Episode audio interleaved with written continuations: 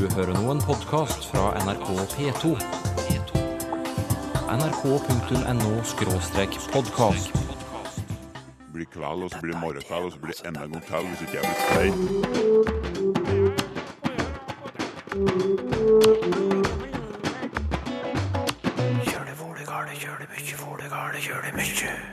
Hva er dette? Fragun frokena noe ferhua veldig. En gang snakket alle i Norden samme språk. De tilhører ett eh, språk, eh, nemlig altså i dette tilfellet urnordisk.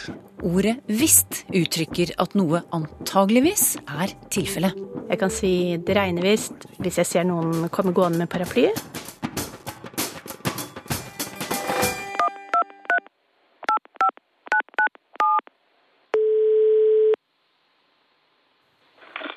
Eh, Lomheim, vær så god. Ja, hei Sylfes Slåmheim, det er eh, Språkteigen som ringer. Hyggelig. Ja, hyggelig du, en rask oppklaring nå eh, i sendingen, fordi i lytterspalten vår sist så var det jo, som du husker, en lytter som gjerne ville vite hvordan det har seg at ordet Ja, han formulerte det slik. Hvordan har ordet 'hvordan' blitt til offer?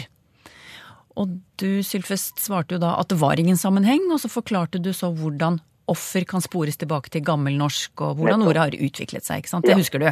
Ja. Men flere som hørte dette, har oppfattet at vi satte likhetstegn når det gjaldt betydning, altså at vi mente at hvordan betyr det samme som offer, men det gjør det jo ikke, Sylfest. Nei, og det gjorde vi selvsagt ikke. Jeg streker under at uh, hvordan egentlig ikke er i slekt med offer, men jeg svarte jo på det spørreren spør om. Men det er jo mange som syns at hvorfor ikke ta med osten? Uh, og at de trodde vel òg at kanskje det var det spørreren var inne på, men uh, nok om det. Så da blir det i dag enn, en, så må vi ta åssen-ordet, for det var en del som da lurte på i Ja, etterkant. bare for å, for å klargjøre det, altså hvordan, det kan også uttrykkes med ordet åssen. Nettopp. Ja. Alle som kan moderne norsk, vet at de som snakker bokmål eller bokmålsnært, kan si 'hvordan går det', eller 'åssen går det'. Og da er det spørsmål eh, hva er sambandet mellom de to ordene. Og der er det også det samme som eh, offer, som jeg forklarte sist. Det er egentlig ikke noe historisk samband mellom hvordan og åssen. Hvordan kommer fra dansk, og fra, til dansk så kom det fra tysk. Hvordan, W-O, hvordan, og hvor betyr egentlig hvordan etter gammelt, og dan er faktisk i slekt med eh, to do, altså do, eller soton, tun.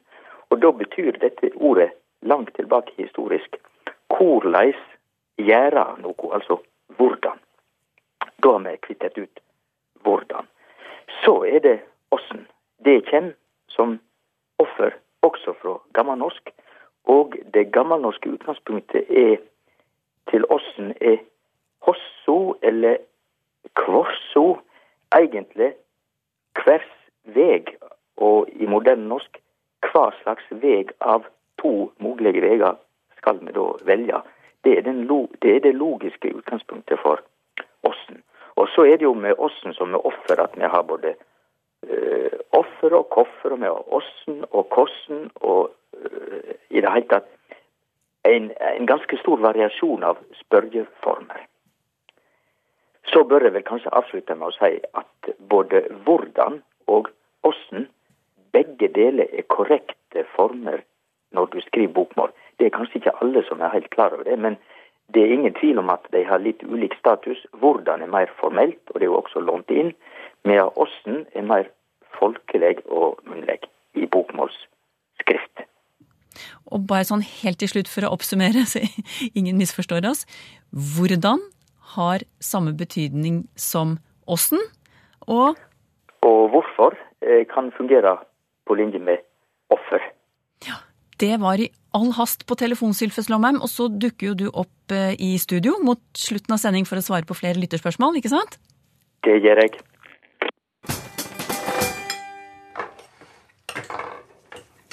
Du, hvordan er været ute? Det regner. Greit svar. Best å ta med paraply. Men la oss prøve spørsmålet en gang til. Du, Åssen er været ute, egentlig? Det regner visst. Ja, hvordan skal vi tolke det? Hva gjør visst med svaret, språkprofessor Kaja Borten? Det første som kanskje slår oss, er at den som snakker virker litt mer usikker eh, når eh, visst er med. Jeg antar at det regner, men er ikke helt sikker. Ja, en viss form for usikkerhet som kommer til uttrykk her. Jeg tar litt forbehold. Du forsker på bruk av småord i språket vårt, og blant annet eh, har du sett på ordet visst. Og du sa usikkerhet, men kan vi alltid bruke visst når vi skal uttrykke at vi er usikre på noe? Nei, det kan vi ikke. Eh, Og det er et godt poeng. Vi kan, eh, La oss tenke oss en situasjon der du og jeg er invitert til samme konsert.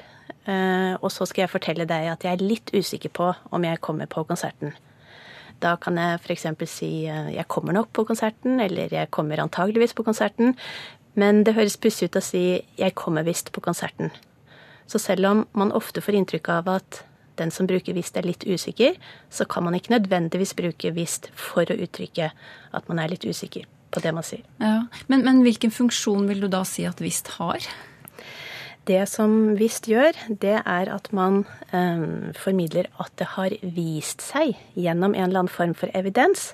Man har en eller annen indikasjon på eller bevis for at noe antageligvis er tilfellet. Kan vi få noen eh, eksempler her nå, tror jeg, for å anskueliggjøre det du sier?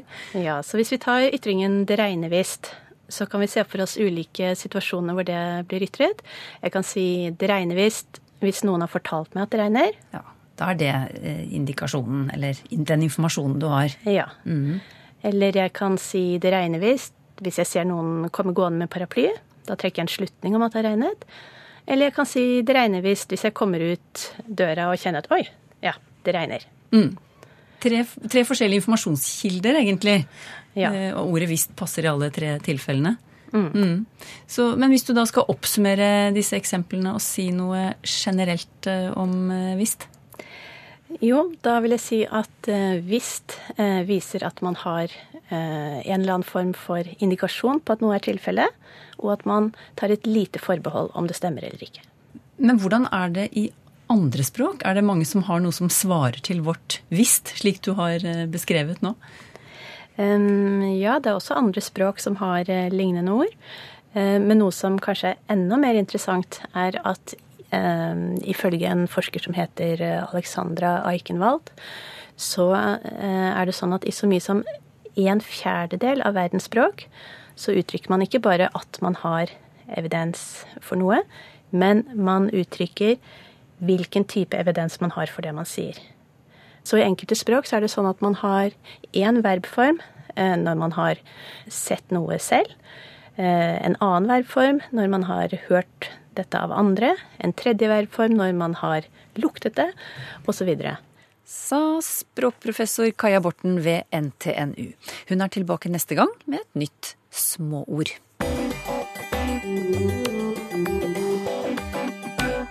Hva er dette for språk? Fragun frokina noe ferhuavildi, kotano theudanaj, golfe kaupan. Urnordisk. Kanskje snakket vi slik et par hundre år etter Kristus? Eller fantes det ikke noe felles språk i Norden på den tiden? Lytter Øyvind Langsrud skriver til oss om dette. Når han hører eller leser at de nordiske språkene stammer fra et felles urnordisk språk, så tviler han på det. Det er en umulighet at de spredte bosetningene i Norden for 1000 år siden og tidligere snakket et felles språk, skriver han. For språklig fellesskap forutsetter tett kommunikasjon. Har noen noensinne snakket urnordisk? Hva svarer du, språkprofessor og runeforsker Mikael Schulte? Det har i hvert fall et språk som vi rekonstruerer som urnordisk. Absolutt. Og når, når eh, var dette? Ja, det var, eh, la oss si, ifølge de innskriftene som vi har, rundt 150 etter Krist til, la oss si, 700 etter Krist, hvis vi tar synkopetiden med. Synkopetiden kommer vi tilbake til, men Michael Schulte går altså god for at det ble snakket et felles språk i store deler av Norden og Nord-Tyskland. Beviset finner vi i runetekster. Vi har runeinnskrifter fra Norden av den tiden, og er, når vi ser helheten, så har vi rundt i hele det området som altså er Norden, Skandinavia og litt inn i Nord-Tyskland også, uh, ca. 300 runeinnskrifter og uh, ca. 60-70 runesteiner i hele uh, Norden, pluss løse gjenstander og andre typer innskrifter på amuletter, annet. Men hva er det ved disse funnene som, som får en til å si at her var det et felles språk i hele Norden? Ja, altså de Rett og slett. Her har vi altså, hvis vi tar alle disse funnene sammen og plotter de inn i en PC, så vil vi se at alle disse formene er forholdsvis De hører sammen, og til og med tilhø de tilhører ett språk. Nemlig altså i dette tilfellet urnordisk. Så man finner altså felles tegn, felles ord, er det sånne ting? Absolutt. altså Tegnsystemet er jo den eldre Fotharken med 24 runer som blir brukt uh, gjennomgående i disse innskriftene. Så det er altså et felles tegnsystem, et felles skriftsystem her. Og ikke minst også Innskriftenes innhold er forholdsvis likt. Ja, hva, er som, hva, er det som, går igjen? Hva er det som er felles der? Ja, altså For eksempel er det mange minneinnskrifter som inneholder ordet stein. Altså dette er steinen til en som er avdød. Stein og gjest er eksempler på ord som går igjen på runesteiner over hele Norden. Mikael Schulte har blant annet funnet dem på Hogganviksteinen i Mandal, som har en av de lengste innskriftene med urnordiske runer. Men for å ta fram poenget til lytter Øyvind Langsrud. Når folk bodde så spredt som de gjorde i de første hundreårene etter Kristus, hvordan kunne de ha etablert et felles språk? Var det ikke heller snakk om dialekter? Han har jo et godt poeng. Han snakker om dialektkontinuum. Det må ha vært dialekter, selvfølgelig, og et skriftspråk som, altså det som vi har i runeinnskriftene, selvfølgelig gjenspeiler ikke disse dialektene. Men en ting som, som, vi selvfølgelig ikke må undervurdere, er at mobilitet i samfunnet, og også i det samfunnet som da kobles til urnordisk Vi må ikke tenke oss et stabilt og statisk samfunn som der alle bor i, i isolerte daler som ikke får med seg språkkontakt. Tvert imot det må ha vært en stor mobilitet også i det samfunnet, som også kobles til navnet folkevandringstid. Som betyr altså at mennesker møttes, og språkkontakt, det, folkeflyttinger Også runeristere har flyttet fra sted til sted. Det vet vi. En runerister på en stein fra Kårstad heter Alja Markis. Den som kommer fra en annen skog eller en annen mark. Så, så det er som i moderne samfunn, mobilitet er et stikkord som er veldig viktig her.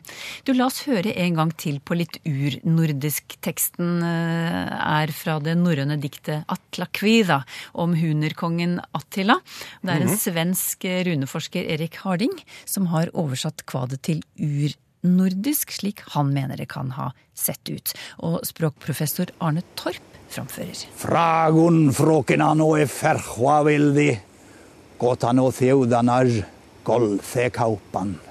slik kan altså hele Norden og Nord-Tyskland ha snakket i noen hundre år etter Kristus. Og jeg, bare, jeg merket meg noen fremmede lyder her, sånn som og æsj. Asj. Men hva, hva, var ellers karakteristisk for urnordisk, hvis du skal trekke fram noen få viktige ting? Altså, det er jo for det første en innspilling av uh, en moderne forsker, så det betyr at uh, vi må også ta det med en klype salt. Altså Den uh, uttalen som man har, er kanskje ikke en helt korrekt urnordisk uttale, men altså et viktig trekk i urnordisk er naturligvis at det ikke har gjennomgått syndkopen. Og, Hva betyr det? Altså Syndkope betyr at sluttstavelsene blir ja, nå hadde jeg nærmest sagt hogget av. Blir borte, altså. Har du et, et, eksempel? Ja, altså Når vi tar bare ordet gjest, gastis på urnordisk, som vi er gester på uh, gammelnorsk. Og da har det skjedd to viktige ting. Den ene er at den har mistet denne vokalen i sin sluttstavelse. Og den andre er at den har fått omlyd. Gastis, gester. Mm. Og det som slår meg, og det som jeg pleier alltid å si til mine studenter, er at vi har jo en runestein som ligger nettopp på denne tidsterskelen, akkurat overgang fra urnordisk til gammelnorsk, og det er nettopp den berømte Eggersteinen i Sogn og Fjordane. Og der finner vi akkurat alle disse uh, slike synkopeformer, og også allerede da omlyder rekonstruert, selvfølgelig. Mm. Så, så, det er en del vokaler som faller bort, for å ja, si det veldig enkelt. Ja. Mm. Og, så, og, så, blir det vel færre runer, da, gjør det ikke det? Det er riktig. Det skjer også i denne tiden. Altså, akkurat Eggersteinen er på en måte markerer terskelen. Så det er en fascinerende innskrift som dateres til 600-tallet på akkurat Så her har vi på en måte denne type overgang som eh, er så viktig i språkhistorien, som fører til eh, det som er tidlig gammelnorsk, så å si. Eggasteinen representerer altså en språkendring som foregikk parallelt i hele Norden. Synkopetiden kalles den, med blant annet vokalbortfall og litt overraskende færre runer, ikke flere, fra 24 til 16. Vikingtidens runealfabet har 16 runer, og det eldre runealfabetet har 24 runer. Så altså de innskrifter vi snakket om før, Hogganvik og slike runesteiner som Tune-innskriften og i Norge har altså et basisinventar av 24 runer. Men det du nevner nå er jo en overgangsperiode rundt 500 år etter Kristus hvor det skjer ting med det Ja. urnordiske språket. Når sluttet vi å snakke et felles språk i Norden og, og Nord-Tyskland? Altså Hvis man definerer språk som en slags fellesnevner, så ville vi eh, i hvert fall tradisjonelt sett si at til 500-600 snakket vi et fellesspråk, men så begynner endringer etter hvert til å skje. Ja. Hvorfor sluttet vi å snakke et felles språk? Språk forandrer seg hele tiden, på en måte, og vi kan også tenke oss at skriftspråket urnordisk dekker over visse forandringer allerede i den urnordiske perioden som er i gang, i hvert fall i muntlig språk. Så det som vi ser i runeinnskriftene mellom 500 og 700, er på en måte noe som skriftspråket har skjult en stund, som i virkeligheten eh, strekker seg over en lengre periode. Men det er selvfølgelig nå en, en eh, hypotese av meg. Men, men hvorfor? Altså Det er naturligvis igjen at uh, utviklinger som har å gjøre med eh, mobilitet og med eh, kontakt med andre språk, blant annet, og også med eh, ikke minst samfunnsforandringer. Hva legger du i samfunnsforandringer i den sammenhengen her? Altså for eksempel forandringer i samfunnsstrukturer, som eksempel vikingtid er jo en tid som utvikler nye strukturer. En av de mest kjente ting er vikingtoktene. Så her begynner det på en måte en ny eh, kultur, og også en ny språkkultur, å utvikle seg. Så mm, Har det noe med, med organiseringen av samfunnet også? At den nettopp, endrer det er, seg? det er det jeg ville antyde. Ja. Mhm. Så hva, hva er den liksom viktigste forskjellen i, i måten samfunnet er organisert på, som, som da kan være med på å, å løse opp dette språkfellesskapet? Ja, altså, det danner seg selvfølgelig også nye maktkonstellasjoner. Altså, eksempel i Norge så eh, særlig i vikingtiden at vi nærmer oss kongeriket og eh, maktkonsentrasjonen etter hvert. Noe vi ikke har i denne urnordiske tiden. Ja, For da var samfunnet organisert på en annen måte? På en mer spredt måte basert på små samfunner, altså storfamilier. Altså en husherre som har en stor gård, som har altså en flokk av eh, En storfamilie, rett og slett. Og akkurat ikke en eh, Ingen større organisasjoner med en konge, for eksempel. Mhm. Mikael Schulte er runeforsker og språkprofessor ved Universitetet i Agder. Det blir kveld, og så blir det morgenkveld, og så blir det enda en så hvis blir klein. Er du klar for lytterspørsmål, Sylfes Lomheim? Å ja da. Bra. Vi begynner med en henvendelse på Facebook. Finn Kortner etterlyser opphavet til å gå i frø. Og eh, frø har jo liksom to funksjoner, hvis vi tenker oss om. Det er veldig positivt, et frø, fordi at vi snakker om det første frøet til fridom. Det er den første byrjinga til fridom, altså. Det spirer, det kommer derifra. Men vi har også en, ei anna mening i frø, nemlig frø er jo det som går i dvale. Det er ingen aktivitet. Frøet kan ligge vinteren over, og det skjer absolutt ingenting.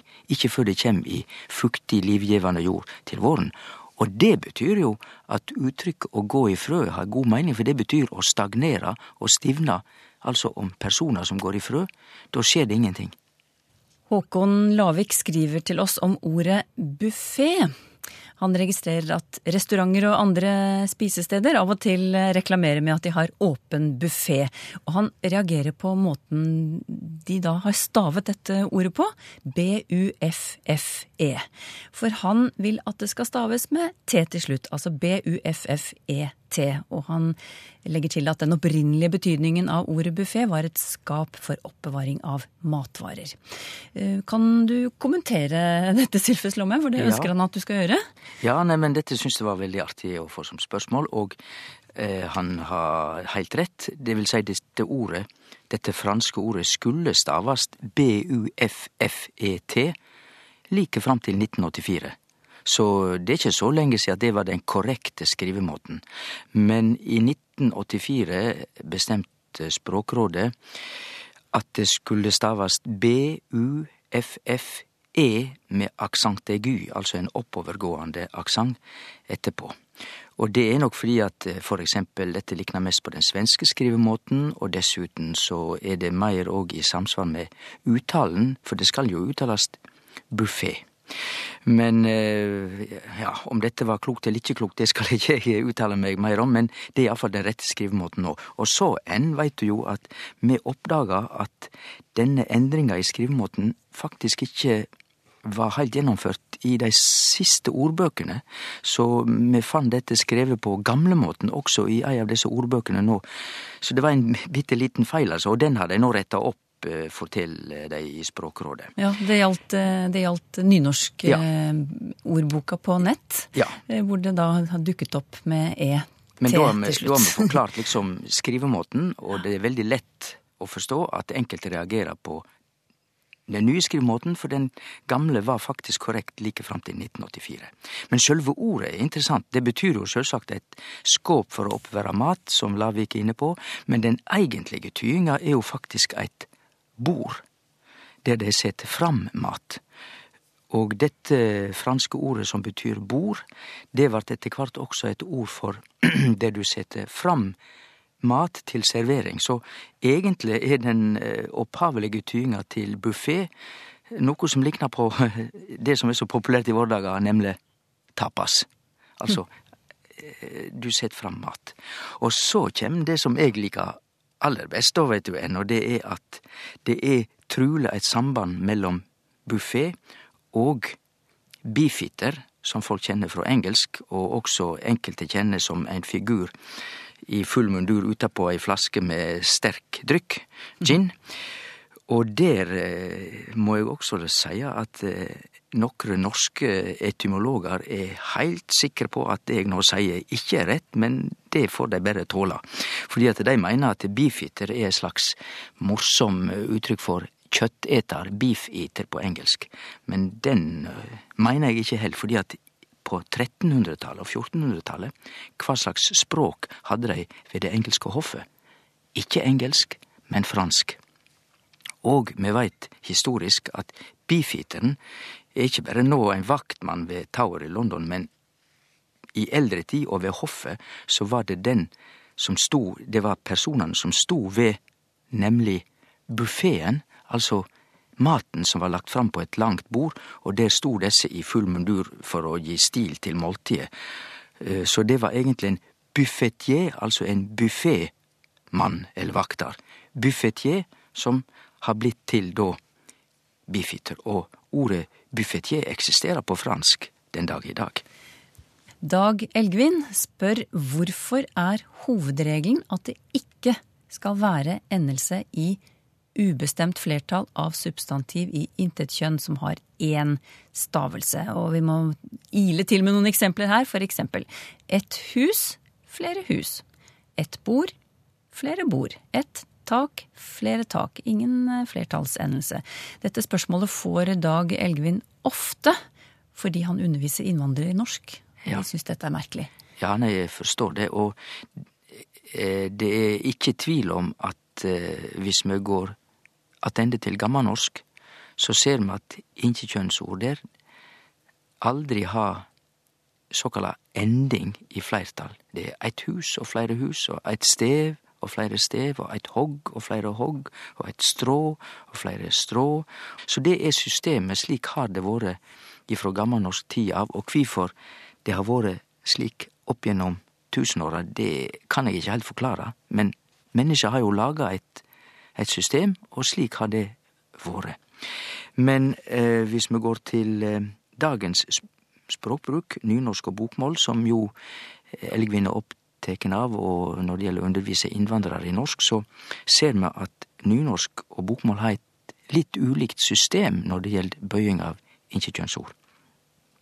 I bokmål så er det, som Elgvin sier det, ett hus og flere hus, og ett bord, flere bord, og ett strå, flere strå, men bokmål er også ett tilfelle, flere tilfeller, kan det være, og det heter ett eple, flere epler. Da er det jo tostaving her, men da hører vi at da spretter det opp bøyingsendinga i bokmålet. Og det skriv seg nok frå eh, sørleg påverknad, altså frå dansk og slik, der det er eit anna inkjekjønnsbøyingssystem enn i norsk. For i nynorsk og i gammelnorsk det finst ikkje noko som er så enkelt som å bøye inkjekjønnsord på nynorsk. For der er regelen slik, og hold deg fast den, alle inkjekjønnsord har samme form i eintall og flertall. Så difor er det ikkje berre eitt hus, flere hus, men det er også eitt eple, flere eple, eitt tilfelle, flere tilfelle, eitt medium, flere medium. Så hvis du først veit at et ord er inkjekjønn på nynorsk, så veit du automatisk hva som er korrekt bøying. Så konklusjonen er jo det finst ingenting som er enklere å lære utlendingar å bøye enn inkjekjønnsord på nynorsk. Har du spørsmål til Språkteigen? Skriv til Teigen, krøllalfa nrk.no, eller til Språkteigen, NRK P2, 7005, Trondheim. Så finner du oss også på Twitter og på Facebook. Neste gang blir det annet gjenhør med den danske damen fra ordbutikken. Et ord koster 500 kroner. Oi, det var mye penger for ett ord. Mye penger, selv for en nordmann. Men, øh, men, det må det koste, for det er alvorlig det her. Jeg kan ikke selge ord for fem kroner. Det vil ikke gi mening. Språkteigen om en uke.